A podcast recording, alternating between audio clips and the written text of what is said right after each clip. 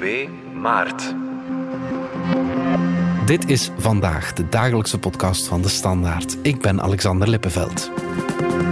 Je dacht misschien dat de Brexit-onderhandelingen al lang rond waren, maar niets is minder waar, want het was nog steeds wachten op een definitief akkoord rond Noord-Ierland.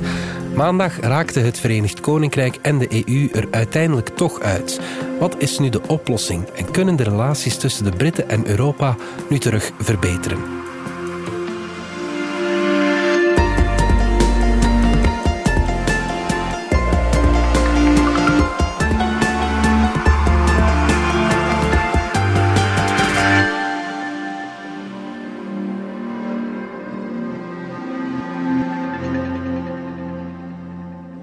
Pleased. In fact, I'm, I'm over the moon that yesterday we managed to have a decisive breakthrough with our negotiations with the EU, reached agreement, the new Windsor framework, that I think is an extraordinary positive step for Northern Ireland, and it represents, as the European Union President herself said, a historic moment for us to move forward and resolve some of the difficulties of the past. Dat was de Britse premier Rishi Sunak, die naar eigen zeggen in de wolken is met het nieuwe akkoord. Dominique Minten van onze buitenlandredactie.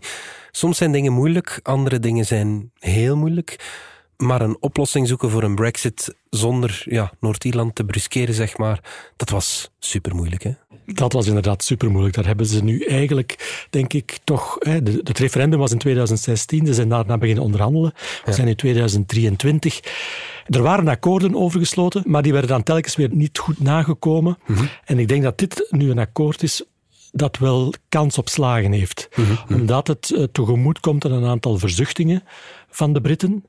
En omdat ook de Europeanen toch wel flink wat water in de wijn hebben gedaan. Ja, oké. Leg eens uit wat dan het grote probleem was met dat, dat vorige akkoord. Ja, dus Noord-Ierland is een moeilijk geval. Er is er eigenlijk een regeling, en die blijft wel overeind, dat Noord-Ierland een apart statuut heeft dat anders is dan de rest van het Verenigd Koninkrijk.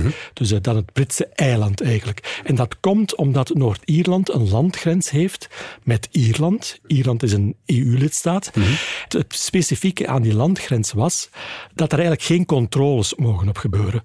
Dat is vastgelegd in een ander akkoord. In 1998 is er het befaamde Goede Vrijdagakkoord gesloten, dat vrede heeft gebracht in Noord-Ierland. Ja. De, de troubles die er altijd zijn geweest, de, de vorm van burgeroorlog die er heeft plaatsgevonden, uh, tussen vooral de katholieken aan de ene kant en de protestanten aan de andere kant. Ja, ja. En omdat die grens niet mag gecontroleerd worden, moest er eigenlijk een oplossing worden gevonden voor ja, hoe kon de EU, de Europese Unie, dan zijn interne markt, zijn eengemaakte markt beschermen, Ja. waar een vrij verkeer van goederen, vrij verkeer van personen geldt. En dat gold niet langer voor de, het Verenigd Koninkrijk. ja, door die brexit Door die brexit, ja. En toch wilde de Europese Unie dat dan toch die controle op de uitvoer en invoer van, van goederen toch op een, een of andere manier gecontroleerd bleef. Ja, ja, ja. En dat was heel moeilijk. Daar is men eigenlijk nooit echt helder uitgekomen. Ja, oké. En waar liep het dan fout bij die eerste oplossing? Er was een oplossing gevonden en dat- heette het Noord-Ierse protocol. En dat maakte eigenlijk dat er een soort van grens kwam, toch? Een controlegrens die dwars door de Ierse zee liep. Dus eigenlijk alle producten en goederen die van het Britse eiland naar Noord-Ierland werden verscheept, die moesten dan gecontroleerd worden in de havens van Noord-Ierland en Ierland. Ja, ja. Dus daar werd dan de grens getrokken. En daar werden dan controles gedaan. Maar wat al snel bleek, was dat ja, die Britten wilden dat eigenlijk niet echt graag doen. Die sleepten met hun voeten daarover rond die procedures. En de Noord-Ieren, en dan vooral de unionisten, de protestanten, die dus eigenlijk altijd bij het Verenigd Koninkrijk willen horen, die dat als belangrijk vinden, dat dat is hun, hun moederland, die voelden zich steeds meer afgesloten van hun moederland Ja, ja. door die controles. Je zag in het begin ook dat er echt wel problemen waren met het leveren van goederen. Supermarkten in Noord-Ierland die hadden lege winkelrekken. En medicijnen en zo. Medicijnen waren, was heel moeilijk om, die daar te krijgen. Plantgoed, bijvoorbeeld, ik ben er nog geweest in Noord-Ierland twee jaar geleden, in een tuincentra, die kloegen steen en been, dat ze dus bepaalde bloemen waar de, de Britten zo van houden, dat die, die, aan, die kon je wel kopen in Engeland, maar niet meer in Noord-Ierland, in Belfast. Ik vind dat leuk dat je dat plantgoed noemt. Ja, plant- Wel, ja, dat, dus daar werd een groot spel rondgemaakt. Maar dieper zat er natuurlijk een groot onbehagen in die Noord-Ierse samenleving. Zeker aan, Ja. ik zeg het, bij de protestantse mensen. Die, die voelden dat, dat eigenlijk ze steeds verder begonnen af te drijven van dat Verenigd Koninkrijk, van de Ja, gerechten ja, van het Verenigd Koninkrijk. Ja, ja, ja. En zo was die Brexit voor hen een soort ja, dubbel probleem. Het was een dubbel probleem. Anderen hadden, hadden gezegd, ja, jullie hebben de best of both worlds, zeiden anderen dan, want jullie zitten met één been nog in die Europees eengemaakte markt. Jullie hebben daar een aantal voordelen van. Mhm. En jullie hebben toch ook nog hè, die, die, die relatie met, met het Verenigd Koninkrijk, want dat, is, dat bestaat nog altijd. Zo kon je het ook beschouwen. Mhm. Maar de, ik zeg het, de unionisten zagen dat helemaal anders. Die zagen dat echt als een probleem. En die wilden dus van dat Noord-Ierse protocol af. Ja. Vorig jaar is daar echt, hebben ze echt een wacht aangezegd aan de Europese Unie. Ook de regering toe, de Britse regering. Van, eh, eerst was dat met Boris Johnson, Mhm. later met Liz Truss. Die hebben echt gedreigd met, we zeggen dit Noord-Ierse protocol nu op. We stoppen ermee. Ja. Dus eh, voor ons eenzijdig zeggen we het op en we gaan gewoon de goederen toch eh, exporteren. Ja, ja. En dat zou geleid hebben tot echt een handelsoorlog. Want dan zou, de, zou Europa hebben gezegd, oké, als jullie dat doen, dan gaan wij handelssancties opleggen van alle producten vanuit Europa naar het Verenigd Koninkrijk. Ja, oké. En er zijn al zulke problemen met de Britse economie, met die handelsstromen, die lopen Ja. al niet meer zo goed. Dus dat zou voor de Britten echt wel heel grote gevolgen hebben gehad. Mhm, Maar ja, toch dreigden ze daarmee. eh, zeker eh, Boris Johnson, die trouwens dat heel dat Noord-Ierse protocol eerst zelf heeft onderhandeld, Mhm. maar dus onder druk van de Noord-Ieren, van de unionisten, daarop is teruggekomen. Ja, en oké. Liz Truss stapte ook in datzelfde discours. Ja, ja. Zij wilde zich profileren als ja, wij zijn de echte harde brexiteers. Wij willen niks meer te maken hebben met die Europese regels. We willen daarvan af. Als het moet, dan riskeren we zelfs een handelsoorlog. Dus dat was eigenlijk de mindset waaronder dan toch onder de nieuwe premier, Rishi Sunak, die onderhandelingen opnieuw zijn begonnen tussen Brussel en Londen. Ja, en nu is er dus een nieuw akkoord. Today's agreement delivers smooth flowing trade within the whole United Kingdom, protects Northern Ireland's place in our Union, and safeguards sovereignty for the people of Northern Ireland. Dus er is een nieuw akkoord en dat heet nu niet meer het Noord-Ierse protocol, maar het Windsor Framework. Windsor Framework. Ja, dat het klinkt, klinkt goed. Het Ja, klinkt ja, ja. indrukwekkend. Ja. Het is genoemd naar... eh, Het is maandag voorgesteld in Windsor Castle. Oké. Zowel door, eh, door Sunak als door Ursula von der Leyen, de commissievoorzitter, hebben het samen gepresenteerd in, in Windsor Castle. The new Windsor framework respects and protects our respective markets and our respective legitimate interests. And most importantly, it protects the very hard earned peace gains of the Belfast Good Friday Agreement for the people of Northern Ireland and across the island of Ireland.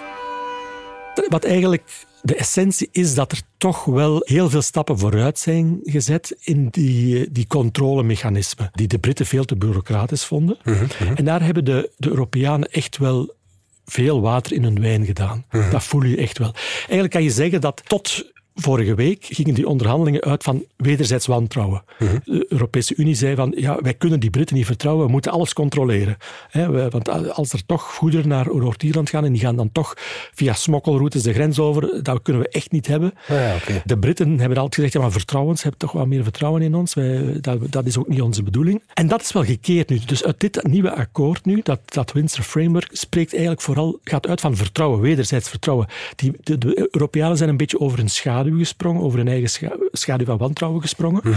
Maar ik denk dat het ook te maken heeft met die figuur van, van Rishi Sunak. Ja, die veel meer een, een compromis, alleen een brug, ja, Een maken. ja, hij is, is meer een, een bruggenma- bruggenbouwer. Hij is meer een, een compromisfiguur. Ja.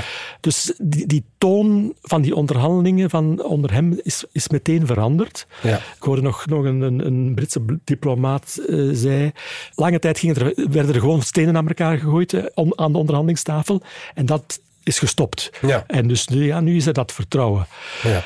En wat dat dan concreet inhoudt, is dat, dat idee van er loopt een grens door de Ierse Zee, die controles aan de havens, dat is eigenlijk een beetje verlaten. Pas op, er zijn nog controles, maar voor heel veel goederen die als eindbestemming hebben Noord-Ierland, en de meeste hebben die eindbestemming Noord-Ierland ook, die goederen die vanuit Engeland vertrekken, die krijgen eigenlijk een soort van green lane, wordt dat nu genoemd. Een soort van snelle route met de minimale controles. Eigenlijk, ja. kan, eigenlijk kan alles digitaal worden gecontroleerd. Ja, ja, dus ja. er moeten geen, geen douaneposten meer, die, moeten meer, die vrachtwagens moeten meer door, eh, door al die douaneprocedures Ja, ja. in die havens gaan. Dus dat moet maken dat die, dat die goederenstroom vloeiender en makkelijker wordt. Ja, ja, ja. En alleen voor goederen waar het op voorhand specifiek is afgesproken, ja, die gaan verder, die reizen verder naar, naar Ierland, Mhm. dus terug de Europese Unie in. Die gaan wel beter nog altijd gecontroleerd worden. Ah ja, hetzelfde geldt dus ook voor medicijnen. Daar is nu ook een oplossing voor gevonden dat medicijnen die in, in Engeland op de markt komen, dat die onmiddellijk ook in, in Noord-Ierland op de markt kunnen komen. Aan Ja. dezelfde prijzen en zo. Ja. Dus dat, dat, is, dat, dat zijn gelijkschakelingen, waardoor het, het gevoel ontstaat, denk ik, in, in die Noord-Ierse samenleving. We komen toch terug dichter bij ons moederland, bij ons, bij, bij ons Verenigd Koninkrijk. Ja, oké. Ja, ja. En nog belangrijk is ook van, er is altijd het idee geweest van, ja, eh, als er dan toch problemen ontstaan, onder welke wetten vallen we dan? Wie is dan de hoogste rechtbank aan wie we verantwoording moeten? Wie moet dat, die geschillen beslechten? En dan in Noord-Ierland, zeker rond die goederenkwesties, blijft dat het Europees Hof van Justitie. Ah ja, dat is de, de hoogste rechter. En dat heeft in, in Engeland een, een heel altijd een negatieve bijklank. Want het zijn die wereldvreemde De rechters- regeltjesmakers. De regeltjesmakers Ja, ja. Op, op het Europese vasteland. Dus wij, wij moeten de- onze soevereiniteit terugwinnen. Wij hebben alleen verantwoording af te leggen aan Britse rechtbanken, aan Britse rechters. Europa komt daar ook aan in tegemoet. In Mhm. die zin van, oké, het principe blijft, als het echt helemaal fout loopt, dan zal toch het Europees Hof de hoogste rechtbank blijven in Noord, over die Noord-Ierse kwesties. Ja.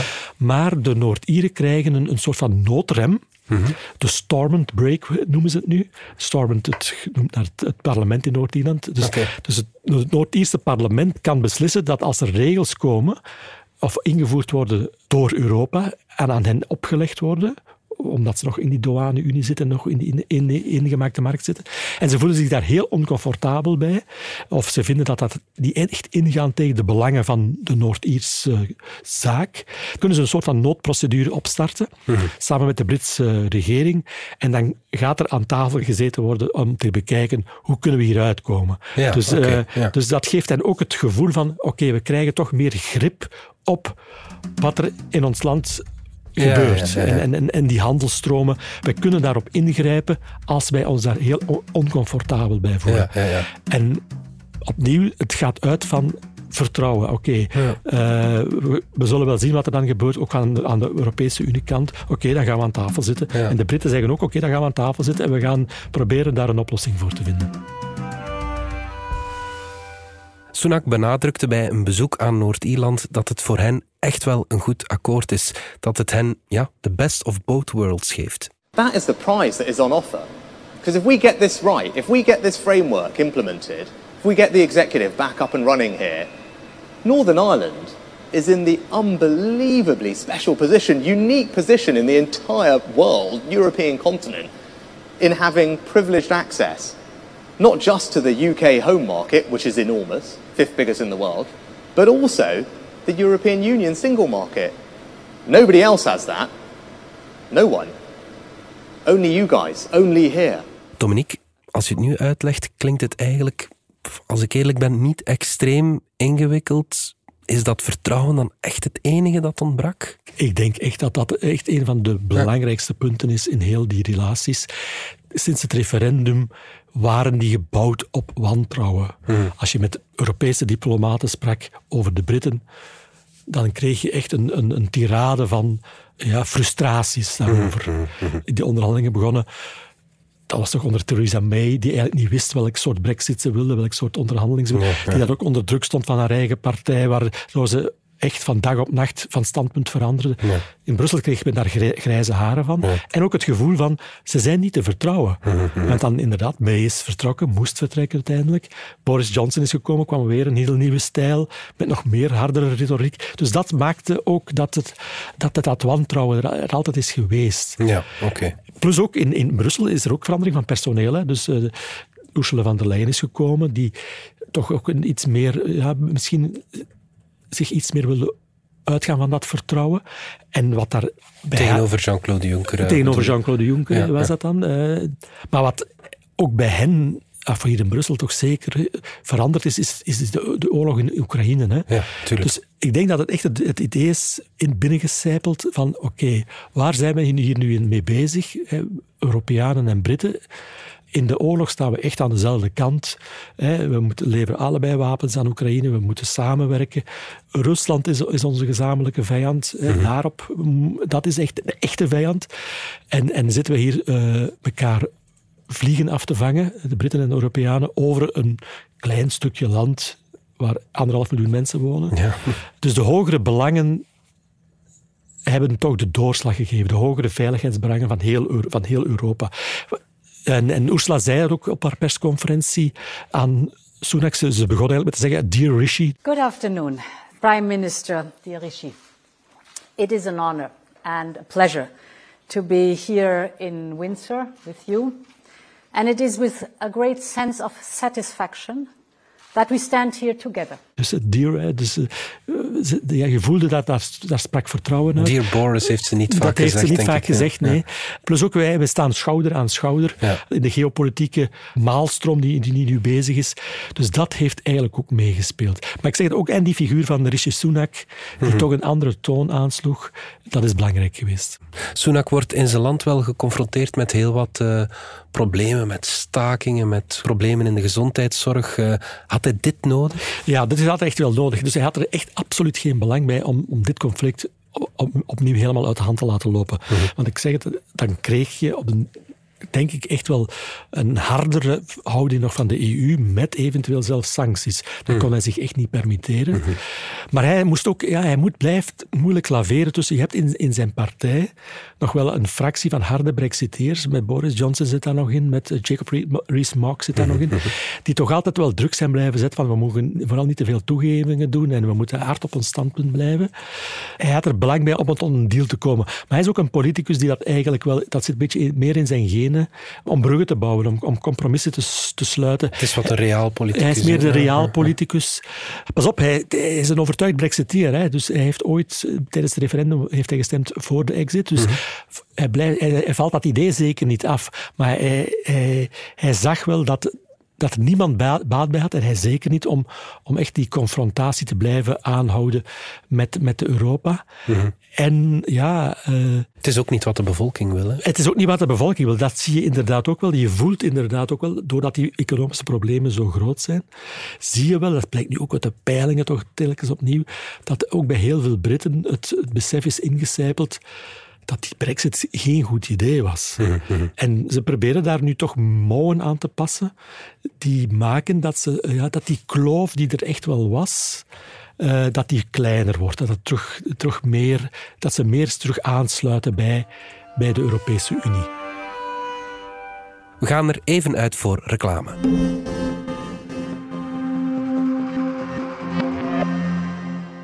Dag dames, dag heren. Het geeft tijd. Albert Heijn heeft weer iets prachtig in de rekken verspreid. Stel u voor, koken zonder drama. Alles wat je nodig hebt in één pakket te samen. Gedaan al die restjes, het is helemaal op maat. En je kunt het niet verpesten als je volgt wat er staat. Het is makkelijk, vers en één enkel woord. Vers pakket waar je zeker mee scoort. Ontdek alle verspakketten van Albert Heijn. En bekijk zeker ook de webserie op dewereldinhetklein.be. Dat is het lekkere van Albert Heijn.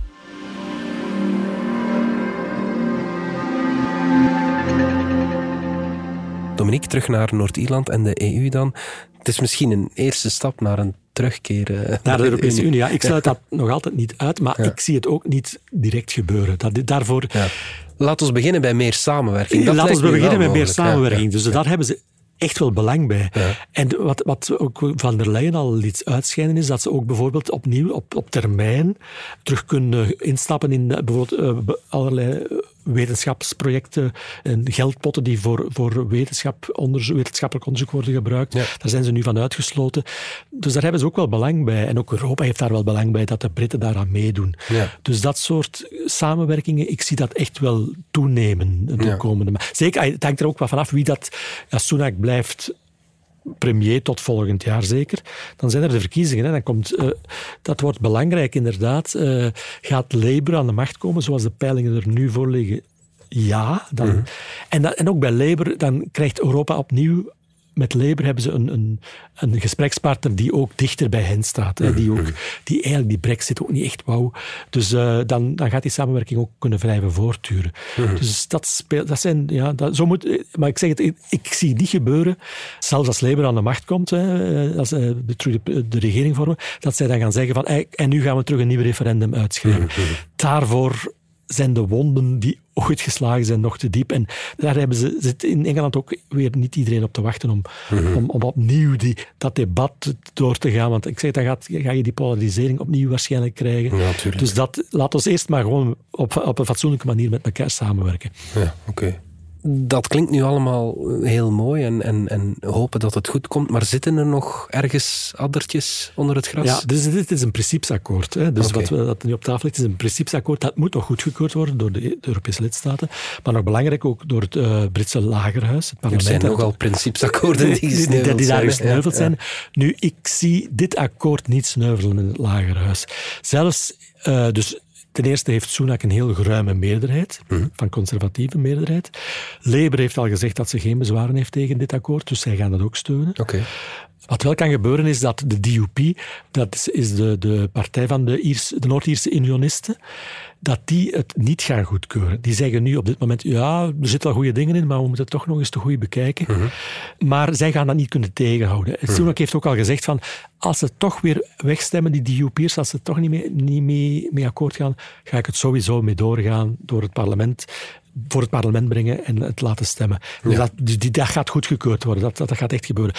Wat het probleem gaat kunnen zijn, is dat dan als de DUP het niet goedkeurt, dan willen ze... Er is ook nog altijd een probleem in Noord-Ierland. De Noord-Ierse regering, er is geen regering op dit moment. Ja, ja, ja. En de DUP moet in die regering stappen, samen met de, de grootste katholieke partij, de Sinn Féin. Die moeten samen een regering vormen. En de DUP heeft gezegd, we willen dat niet doen, zolang dat Noord-Ierse protocol er was. Daar is nu een mouw aangepast, hè, met dat Windsor Framework.